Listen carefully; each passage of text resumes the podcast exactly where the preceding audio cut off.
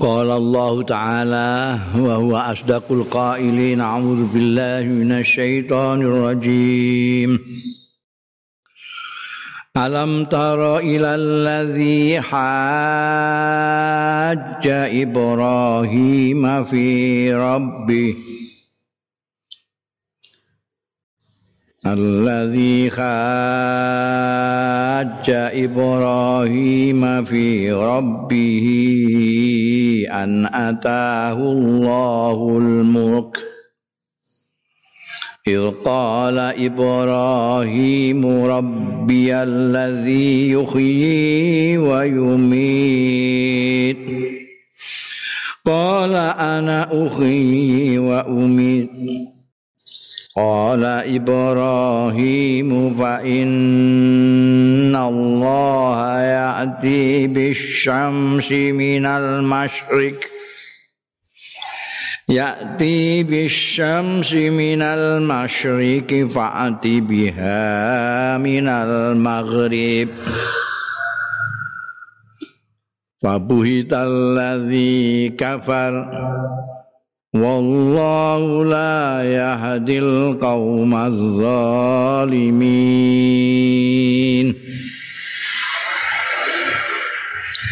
Alam taro ana ta ora ningali sira ilal ladzi haja marang critane wong sing haja sing madoni sing bantai. Ya ladzi Ibrahim ing Nabi Ibrahim. Fi rabbihi tentang pangerane Nabi Ibrahim. Yaiku Allah Subhanahu wa taala. An atahu dupeh maringi sapa hu ing allazi sapa Allah Gusti Allah al mulka ing kekuasaan kerajaan. Itu kala Tetkane dawuh sapa Ibrahim Nabi Ibrahim Rabbiya utahe pangeran ingsun iku allazi yuhyi wa yumit. Iku zat kang nguripake ing paring gesang ya lazi wa yumit lan mateni. Ya lazi. Kala ngucap sapa allazi haja mau ana uhyi wa umit. Aku ya utawi ingsun iku uhyi ya iso nguripe wa umitu lan iso mateni. Kala Ibrahim dawuh sapa Nabi Ibrahim Fa inna Allah monggo setune Gusti Allah pangeran ingsun. Iku yakti. Iku nekake ya Allah bisamsi. Awan srengenge ing srengenge minal masriki saking wetan. Fakti. Mongko nekakno sira biya kelawan srengenge minal maghribi saka arah kulon. Fabuhita mongko temenggengen, terkesima, tertegun, bingung. Sapa allazi wong kafaro kang kufur ya lazi, yaiku mau allazi haja. Wallahu ta'ala Gusti Allah iku la yahdi. Ora paringi hidayah, ora nuduhake sapa Allah zalimin ing kaum sing padha zalim.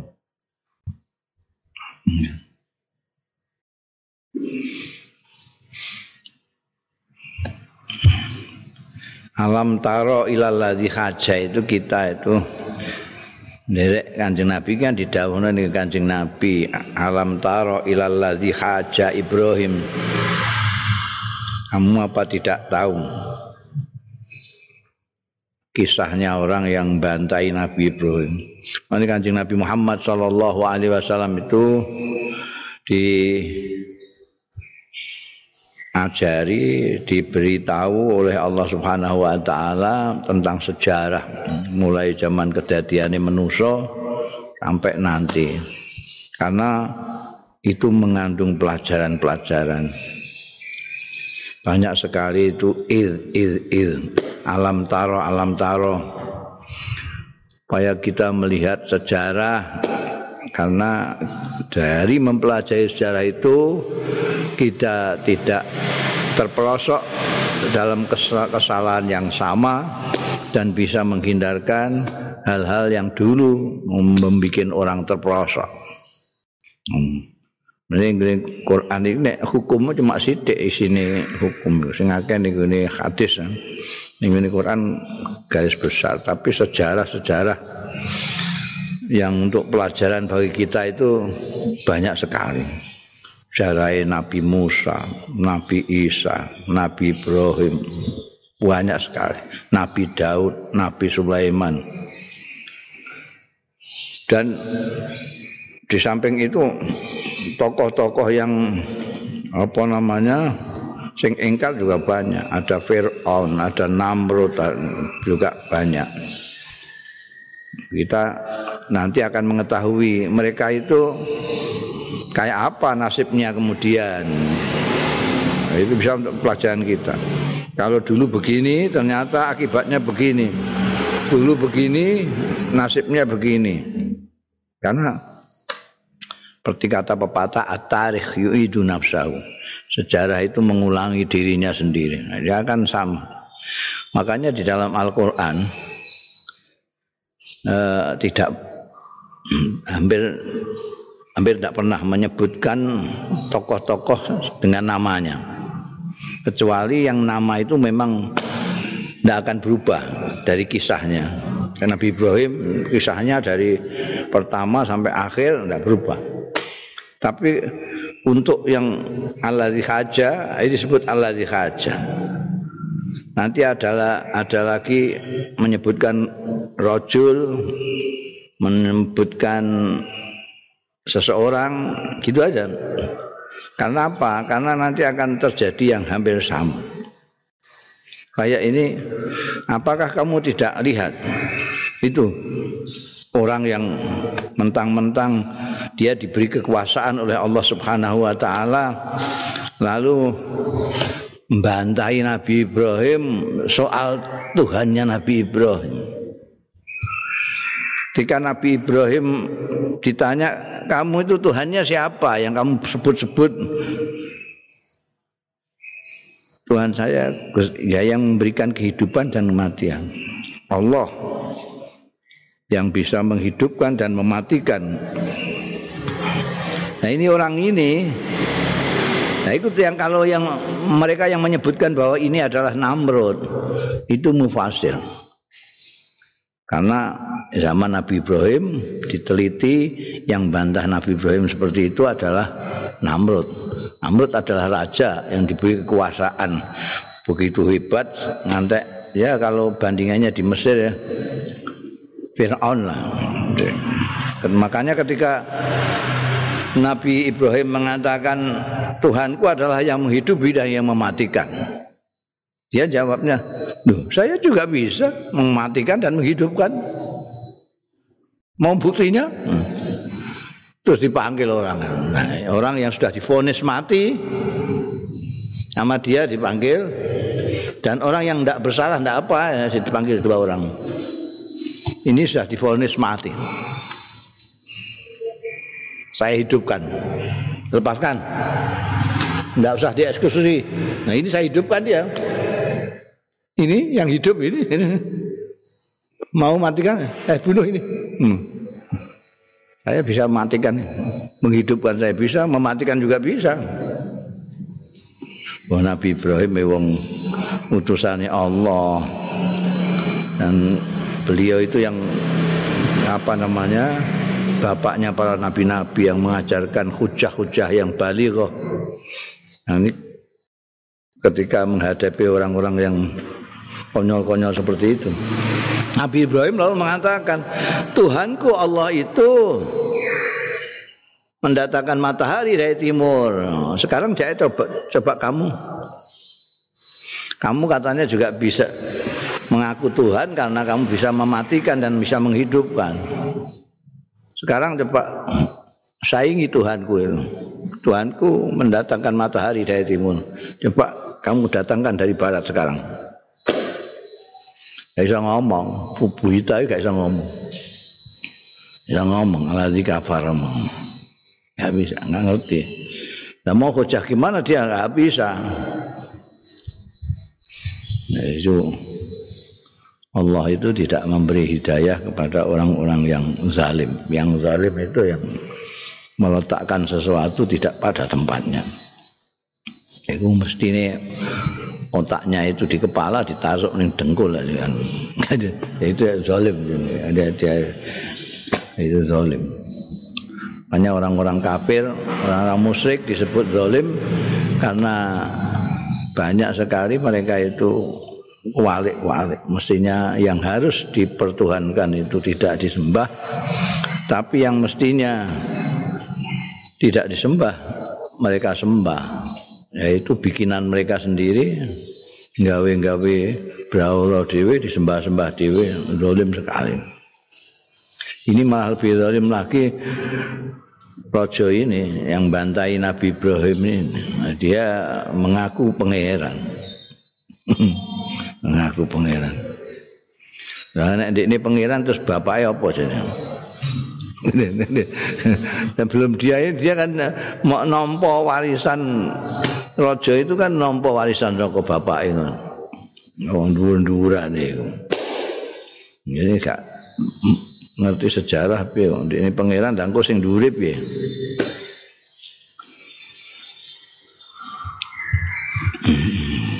tapi anjen Gusti Allah iku la yahdil qaumaz zalimin bapak-bapak wong zalim itu ora mulane kita ndak boleh zalim supaya dapat hidayah ya Allah Gusti Allah taala kita zalim auzubillah wallahu la yahdil qaumaz zalimin أو كالذي مر على قرية وهي خاوية على عروشها قال أنا يحيي هذه الله بعد موتها فأماته الله مئة عام ثم بعثه قال كم لبست قال لبست يوما أو بعض يوم. قال بل لبثت مئة عام فانظر إلى طعامك وشرابك لم يتسنى وانظر إلى خمارك. ولنجعلك آية للناس وانظر إلى العظام كيف ننشزها كيف ننشزها ثم نكسوها لحمًا فلما تبين له قال أعلم أن الله على كل شيء قدير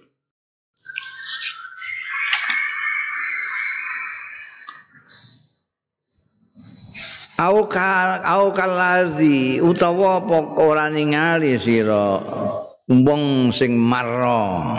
Alladzi mau alladzi haja saiki alladzi marra. Terus melihat terus anjing Nabi didawuhi melihat anjing Nabi dan umatnya disuruh melihat. Itu raja yang mentang-mentang dikasih kekuasaan lalu merasa dirinya bisa seperti Tuhan. Tadi itu. Atau lihat kaladziono to kaya dene wong maro sing liwat ya ladzi ala qaryatin ing atase suwijining desa. Wahia kali utawi desa iku khawiyatun ambruk jungkur ala urusia ing atase atap-atape payon-payone. Biasane nek jungkur iku payone ning dhuwur iki payone dhisik dadi rak durunge tembok-tembok jatuh payone timbul atapnya jatuh duluan. Berarti tembok-temboknya menghantam payon ala urusiha ini payon atap-atapnya di bawah. Karena yang dihancurkan dulu di atas itu. Kala ngucap sapa allazi marra mau anna yuhi hadhillah kepriye carane nguripi hadhi ing iki? Sak desa rata dengan tanah. Piye carane yuhi hadhihi? Sapa Allah Gusti Allah? Ba'da mautiha sakwise matine Korea, lak desa matek kabeh iku biasane Gusti Allah nguripi. Fa'ama tahu mongko mateni sapa Allah ing lazimar mau. La fa'ama tahu mongko mateni ing lazimar sapa Allah Gusti Allah? Mi'ata amin ing dalem 100 tahun Sabul Kahfi telung atus punjul. Iki satu tahun Suma ba'asahu Mongko kari-kari nangeake sapa Allah ing allazi marra mau. Kala mengdawuh sapa Gusti Allah kam labis ta. Piro pirang tahun labis ta. Kendel sira. Kala matur sapa allazi marra labis tu kendel kula yauman sedinten. Au ba'da yaumin utawa setengah dinten. Kala dawuh sapa Allah bal labis ta mi'ata amin. Balik kendel sira mi'ata amin 100 tahun Pandur saiki ning ngalono sira. Ila amika marang panganan ira wasarobi kalan omben-omben ira. Lam yatasanna. Ora berubah, ora rusak ya to'an melan sarop mau. Wanzul nan ning ngalono sira. Ila khimarika marang khimarmu. Balina ja'ala kalan ana arahe ndadekake sapa panjenengan ingsun. Ka ing sira. Ayatan. Ing dadi pertanda linasi marang manusa kabeh. Wandur laningalono sira ilal izami maring pira-pira balung. Kaifa nunsizuha. Kepriye nangekake nguripake sapa ingsun ing izam sumanaksuha. Mongko keri-keri nyandangi. Membalut apa ingsun ha ing izam lahman ing daging. Palam mata bayana mongko nalikane pertelo. Lahu kedue man ma'aladzi marra mau kala ngucap sapa aladzi marra a'lamu nyakini nyakenake sapa ingsun anallaha ing sak temene Gusti Allah. Ala kulli syai'in ing atase saben-saben suwiji ku qadirun. Kuwasa.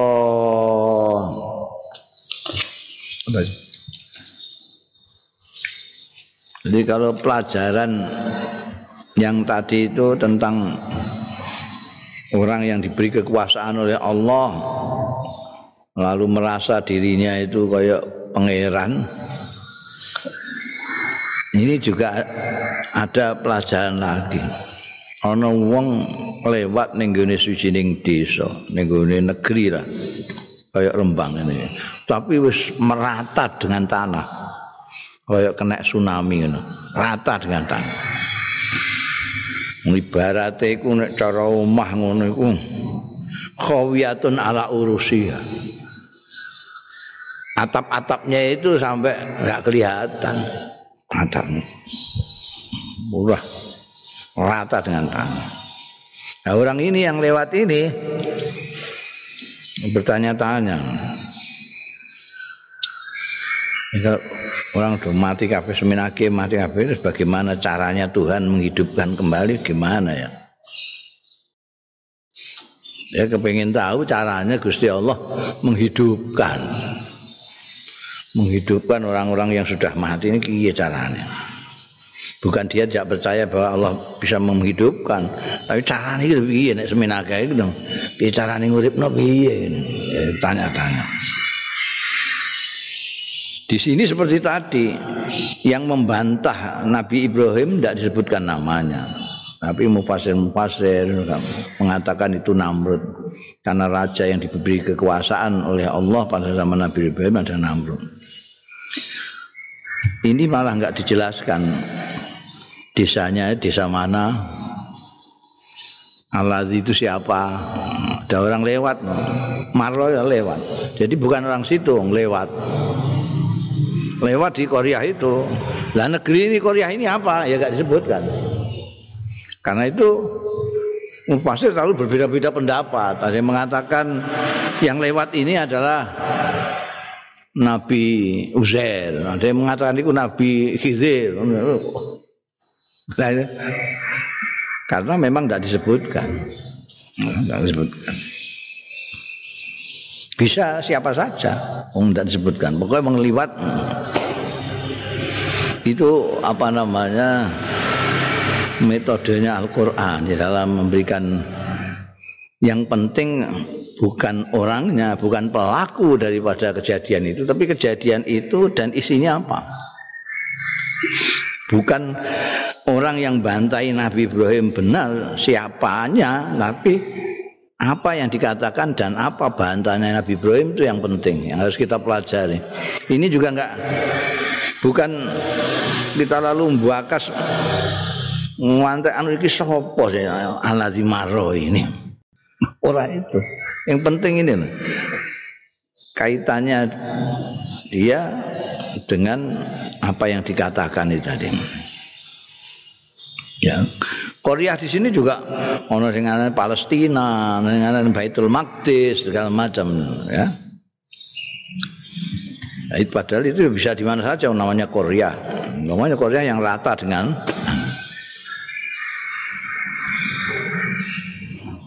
bareng orang yang lewat itu itu nabi siapalah pokoknya. Itu mengatakan gitu ambek Gusti Allah terus dipundut.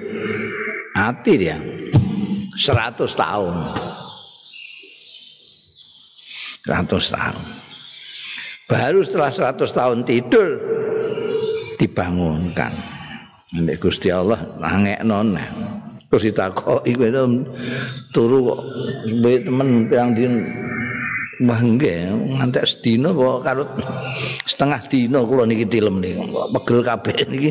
Ketoke turu kula iso sedina. Sedina setengah dina piye? Kowe iku turu 100 tahun. 100 tahun kowe iku turu.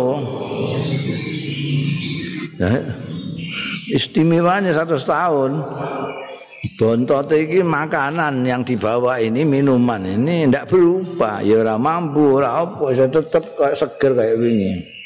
Tapi khimare barang dikongkon delok iku delok khimarmu wis balung tetekan. Balung tetekan.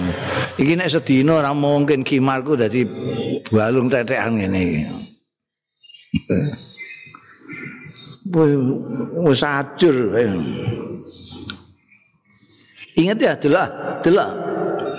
Ben iso bukti kekuasaan Gusti Allah sepil delok ya wis 100 tahun. Wis kaya ngene iki ajur balunge wis ngene. Iku mbok demek ambrol iku. Wah terus. Cukup balung iso ngadeg terus diblebet karo daging. Dadi himal asline menae wah. Terus ngakoni wah kekuasaan Gusti Allah. Dan ini tidak sekali dua kali apa namanya orang-orang itu kepengen roh kekuasaan Gusti Allah Ta'ala. Dan Nabi Isa kan dimintai sama orang-orang untuk mendatangkan ma'idah minas sama' dan diturunkan Maidah sama. Wah ini 100 tahun tidur bangun-bangun lihat khimarnya sudah jadi balung tetean terus melihat dengan mata kepala sendiri balung ini cukup-cukup dibalut dengan daging terus jadi urip meneh kaya asli ini baru dia mengatakan a'lamu annallaha ala kulli syai'in qadir Ya kita tidak perlu lihat lagi lah, kita mempelajari saja sejarah-sejarah tentang itu untuk menjadi kita yakin. Tidak harus kita itu seperti tokoh-tokoh sejarah itu terus nyekseni neh ya. Semoga jenenge ora ora keyakinan. Keyakinan itu justru yang namanya keyakinan yang sebenar sebenarnya keyakinan, sebenarnya iman. Itu karena kita memang tidak tahu. Kita yakin adanya akhirat karena kita tidak tahu juga akhirat itu. Nek ngerti namanya nggak keyakinan. Kamu yakin ada New York, ada Amerika Serikat itu, kan kamu nggak lihat. Tapi kalau kamu sudah ke sana ya, tidak lagi namanya keyakinan. Ya. Wa il qala Ibrahim rabbi arini kaifa tuhyil mauta Qala awalam tu'min Qala bala Walakin liyatma inna qalbi Qala fakhudh arba'atan minat tayri fasurhunna ilaika subhanallah Summa ja'al ala kulli jabalin minhunna juz'an ثم جعل على كل جبل منهن جزءا ثم دعون ثم دعوهن يأتينك سعيا واعلم أن الله عزيز حكيم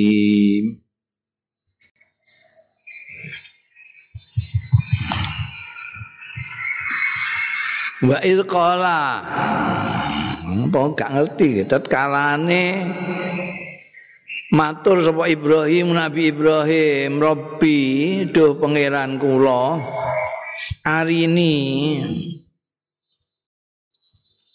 wa aturi merohaken panjenengan ing kula kaifa tuhyil maut kados pundi gesangaken panjenengan al mauta ing tiang-tiang ingkang sampun pecah.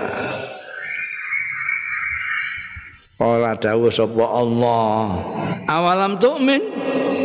Duh, ana to ora percaya sliramu. Apa ora percaya? Nah, aku iso nguripi. Kala matur sapa Nabi Ibrahim bala inggih percados Gusti. Walakin lihat inna kolbi namung supados anteng mantep kolbi nopo manah kula Kala dawuh sapa Allah taala fakut nek ngono ngalapo sira arbaatan minat tayr ing papat minat tayr saking manuk pasur huna moko nyacah-nyacah motong sira. Ing papat mau ilaika marang sira sumajal. Mongko keri-keri ndadekno sira. Ala kulli jabalin ing atase saben-saben gunung. Minhuna saking papat mau jusan ing sebagian. Summat uhunna. Mongko keri-keri ngundango sira ing papat mau. Yakti naka mongko bakal nekani papat mau ing sira sakyan kelawan rikatan dengan cepat gelis. Wa'lam lan ngerti sira annallaha ing setuhne Gusti Allah iku azizun. Zat kang maha menang hakimun tur maha wicaksana ini lagi Nabi Ibrahim. Itu sebagai nabi. Ini untuk karena umatnya kan banyak. Ingin menunjukkan kepada umatnya jadi matur. Ning ngene Gusti Allah ados pundi jenengan? Ngesangaken sing do mati-mati niku ados pundi? Carane pundi? Lho kowe kok takok ngono iku apa kowe gak iman apa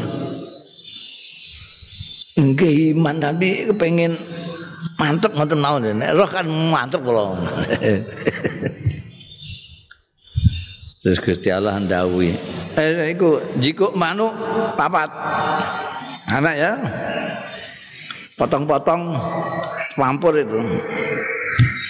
Di papat itu di aduk-aduk satu berarti no sapu patang pondok patang pondok. Dari empat burung ini ketoki. Suwampur aduk. Nek wis masing-masing dosok ning gunung kono siji kono siji kono siji. Empat jurusan. Ono empat gunung. Sak kono siji sak kono siji kene siji kene siji. Wis. Nek wis undang manuk mau undang ngeteti. Langsung ngeblas marani kowe. Tenan.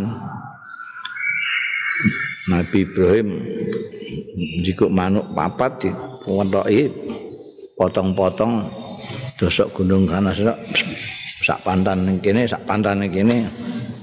Terus diketeti muapul 12 mara ning gone Nabi Ibrahim. Ya Nah kene iki ora usah ngono bareng wis karek maca sejarah ngono ae biyen wis tau kejadian apa jenenge berbagai macam keajaiban ciptaane Gusti Allah taala. Iku ana contone kabeh sehingga kene wis kepenak arek ndelok. Nek ngantek isih kesasar. Berarti orang gunakno iki nek akal pikirane. Kaya apa jenenge? Ketika Nabi Isa lahir tanpa orang tua. Itu orang sing mikir kesusu. Ngomong kan terus bingung itu. Gimana kok ada apa namanya? Manusia lahir kok tanpa bapaknya gimana? Kalau bingung. Terus dikait-kaitnya lah dengan macam-macam itu. Karena tidak masuk ke nalari ini karena kebiasaan yang terjadi adalah orang itu kalau lahir ya melalui bapak mbok. Yang orang lupa itu cerita yang sebelumnya karena nggak dipelajari biar nono sih namanya jenengi Nabi Adam itu dia lahir tanpa bapak tanpa mbok bapaknya Nabi Adam itu siapa Mbake apa? Enggak jelas. Terus Siti Hawa. Siti Hawa itu lahir orang duwe mbok, duwe bapak tok. Jadi sudah lengkap. Kalau Nabi Adam lahir tanpa bapak mbok, Siti Hawa lahir tanpa mbok, Nabi Isa lahir tanpa bapak. Ya. Ini biasa. Gusti Allah itu kuasa bagaimanapun juga. Karena Gusti Allah sebetulnya tinggal menikun aja sudah fayakun. Mak untuk kebiasaan manusia itu ana istilahnya wong saiki muni hukum alam itu hukum Gusti Allah. Ini orang kalau setelah Nabi Adam sama Siti Hawa itu orang yang apa namanya mau lahir itu melalui suami istri, bapak dan mbok. Supaya orang tidak lupa bahwa ini hanya sekedar sarana saja. Sak benere Gusti Allah nitahake manusa iku wis ora nganggo bapak ora nganggo mbok ya iso wong ngono wis enak ya iku Nabi Adam itu Nah ternyata betul oh, begitu ada Nabi Isa wong wis lali ya Nabi Adam dari mana aslinya. Makanya penting sekali kita mempelajari sejarah itu. Dan di Quran itu banyak sekali kisah-kisah sejarah yang bisa kita jadikan pelajaran. Hmm, baik untuk memperkuat keyakinan kita, keimanan kita maupun untuk memperbaiki perilaku kita. Bunda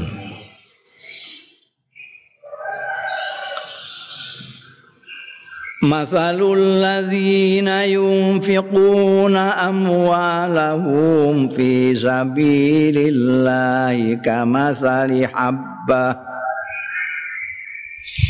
كمثل حبة أنبتت سبع سنابل في كل سنبلة مئة حبة والله يضاعف لمن يشاء والله واسع عليم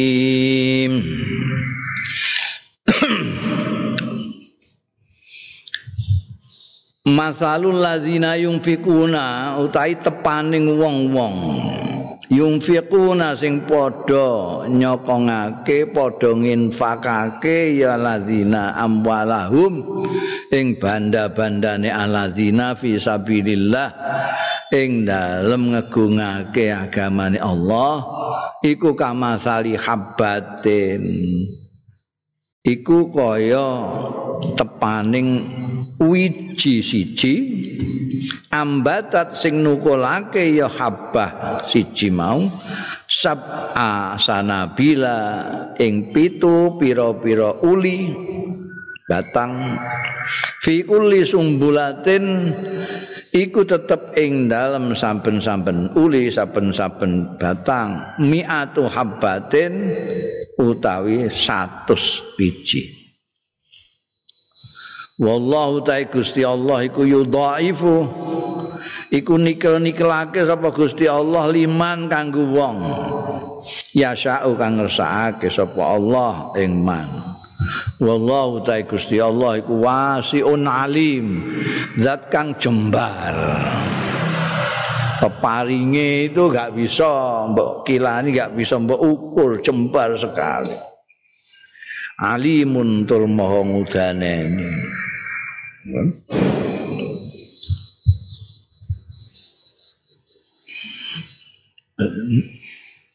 Infak itu memberikan sesuatu tanpa imbalan. Nek nganggo imbalan jenenge dol tinuku. Eh, dol tinuku. Kowe nginfakno sesuatu kok ingin balasan. Eh, padha karo barter iku dol tinuku. Infak nafkah itu memberikan tanpa mengharapkan balasan dari orang yang kamu berikan, dari sesuatu yang kamu berikan. Yang diharapkan hanya Allah Subhanahu wa taala. Nah itu Gusti Allah dawuhake wa qaulul haq bahwa kalau kepingin lihat betapa pahalanya orang yang infak fi sabilillah Fisabilillah itu ninggune jalan di dalam rangka mengagungkan agama Gusti Allah meluhurkan dudukannya Gusti Allah agama Gusti Allah ini supaya nah itu macam-macam kalau dulu mempertahankan agama itu sampai perang macam zaman Kanjeng Rasul Shallallahu Alaihi Wasallam dan sahabat-sahabat itu Oh, sekarang ini kamu bikin madrasah juga sabilillah. Eh? Pokoknya hal-hal yang untuk bagaimana agama di Gusti Allah ini ya'lu wala yu'la. Apa saja. Nah itu Gusti Allah yang gambarno itu kayak wiji.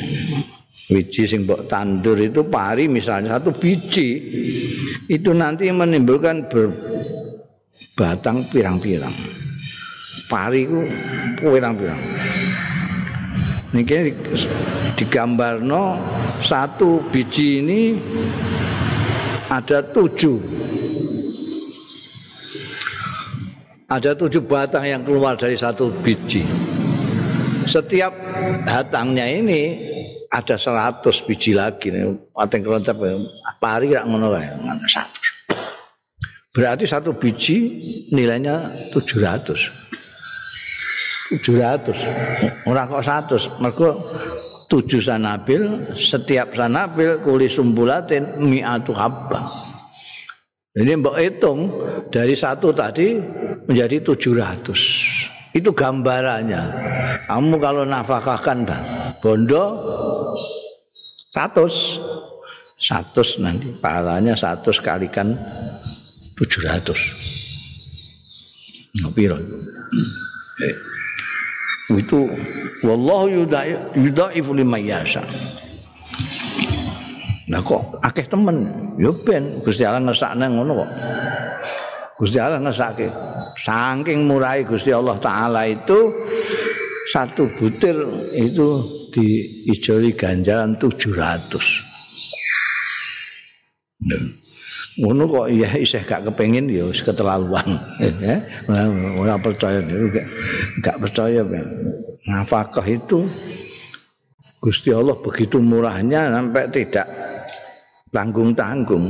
Satu butir gambaran ini bisa menjadi 700 yudhaifu lima yasa dan tidak itu saja. Bisa lebih daripada itu. Bisa lebih daripada itu. Wong Gusti Allah iku wasiun dan alimun. Gusti Allah pirsa iki fisabilillah apa ora iki Gusti Allah pirsa. Jadi ora sampe akon-akoni. Kowe ora usah muni ini ra. Niki nafkah kula fisabilillah. Ora usah muni ngono wae. Gusti Allah wis pirsa. Gusti Allah itu alim. Kowe mbok gak mbok kandakno tapi kamu ikhlas untuk fisabilillah, Gusti Allah pirsa. dan perso kamu ini untuk mau memberikan infak ini visabilillah ini seberapa ikhlasnya Gusti Allah perso alim sangat tahu. Sangat tahu. Jadi nek kowe kok mau ikhlas ngono tok ae 700 kan jalan. Oh ikhlasin nuwemen. Itu bisa bertambah lagi. Gusti Allah wasi الذين ينفقون أموالهم في سبيل الله ثم لا يتبعون ما أنفقوا منا. ثم لا يتبعون ما أنفقوا منا ولا أذى.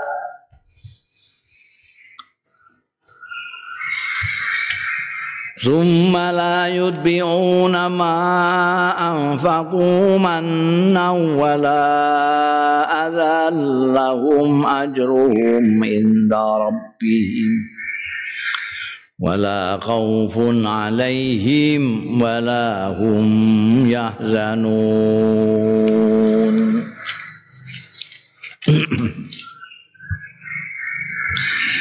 Alladzina yunfikuna utahi wong-wong yunfikuna kang padha nginfakake nyokongake. Ya alladzina amwalahum ing bondo-bondone alladzina fi sabilillah ing dalem ngegungake agamane Gusti Allah. Kaya mau? Summa layut biuna mongko keri-keri. Orang ngetut mbureni ya wong-wong mau aladzina mau maing barang ampaku sing nafakahna ya aladzina orang ngetut mbureni manan ing undat-undat wala azan lan orang larakake ati lahum iku kedue aladzina ajruhum utawi ganjarane aladzina inda rabbihim ana ngarsane pangerane alladzina wala khaufun lan ora ana wedi ku maujud alaihim ing atase alladzina walahum lan ora utawi alladzina iku yahzanun iku padha susah kabeh.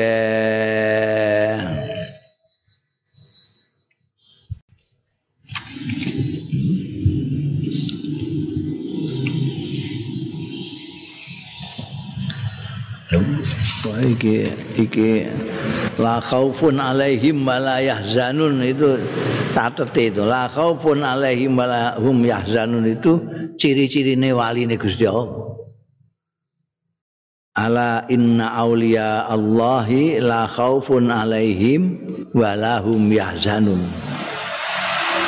Jadi nek kowe nek kepengin dadi wali iki iso mbok dadekno resep iki. Alladzina yunfiquna amwalahum fi sabilillah. Kowe nek nginfakno bandamu ing dalem ngegungake agamane Gusti Allah tur ora mbok undat-undat kowe ora tau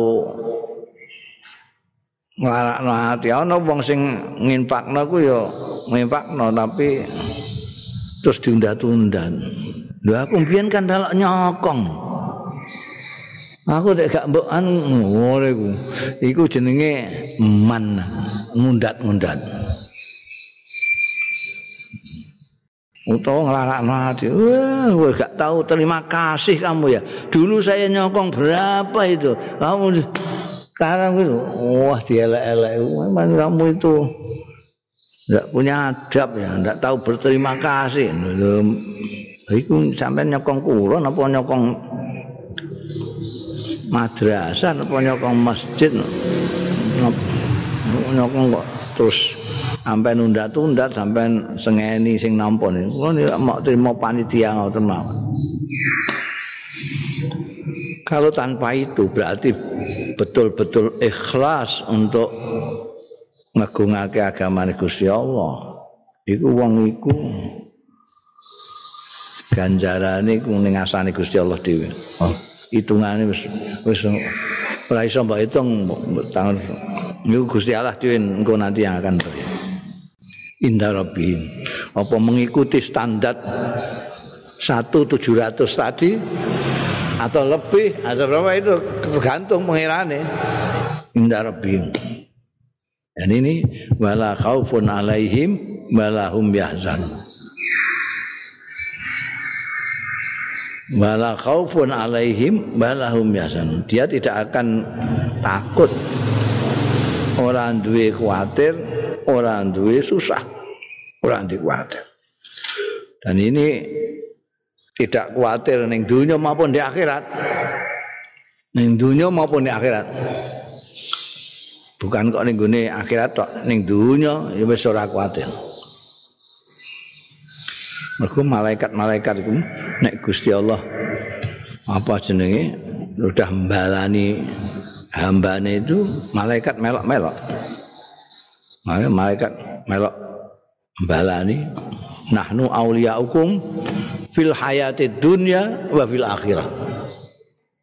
Jadi orang yang jadi balani Gusti Allah karena dia nafkah bisa saja karena dia nafkah tanpa diikuti manan bala azan bisa karena dia qalu rabbunallah sumastaqam istiqomah itu menjadi aulianya Allah wali Gusti Allah Oh ya zaman saiki ngene iki zamane orang sithik-sithik kuwatir, sithik-sithik wedi, sithik-sithik susah. Itu orang yang paling bahagia, orang yang paling beruntung adalah orang yang tidak tidak punya perasaan takut dan tidak punya perasaan susah.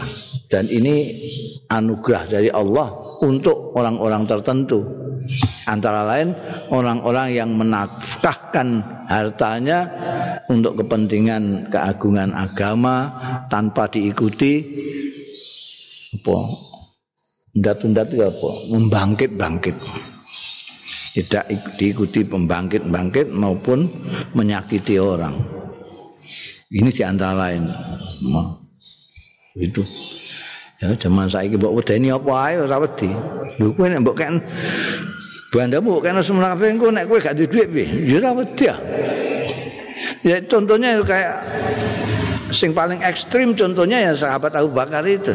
Masa seluruh hartanya dikasihkan? Sama sekali tidak ada kekhawatiran apa-apa. Nunggu kowe piye? Ya kan masih punya Allah dan Rasulullah. Ngono jawabannya.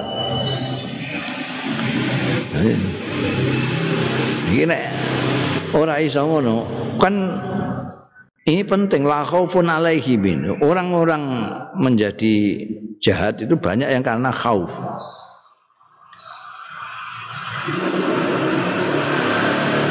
Uh, ada orang nyerang orang karena takut diserang. Yang banyak itu orang jahat karena takut melarat. Nah, koruptor-koruptor itu karena dia takut melarat, dia lalu korupsi. Dia ditaklukkan oleh rasa takutnya ini, takutnya. Orang yang serakah, kayak orang yang menduduki tempat orang lain untuk merampas hartanya, eh? Nyerang sana untuk mengambil kekayaannya, itu karena dia takut, dia takut melarat. Oh. Jadi kalau orang nggak takut melarat, nggak akan korupsi. Akhaufun alaihim. Ada orang jahat itu karena takut. Ada orang bohong karena takut. Takut kalau dimarahi, kalau konangan terus bohong. Takut nanti dibully sama rakyat terus bohong. Nah, jadi dua ini kunci anugerah Allah yang paling tinggi adalah perasaan la khaufun alaihim balahum yahzan. Wes mbok unggahi gak iso.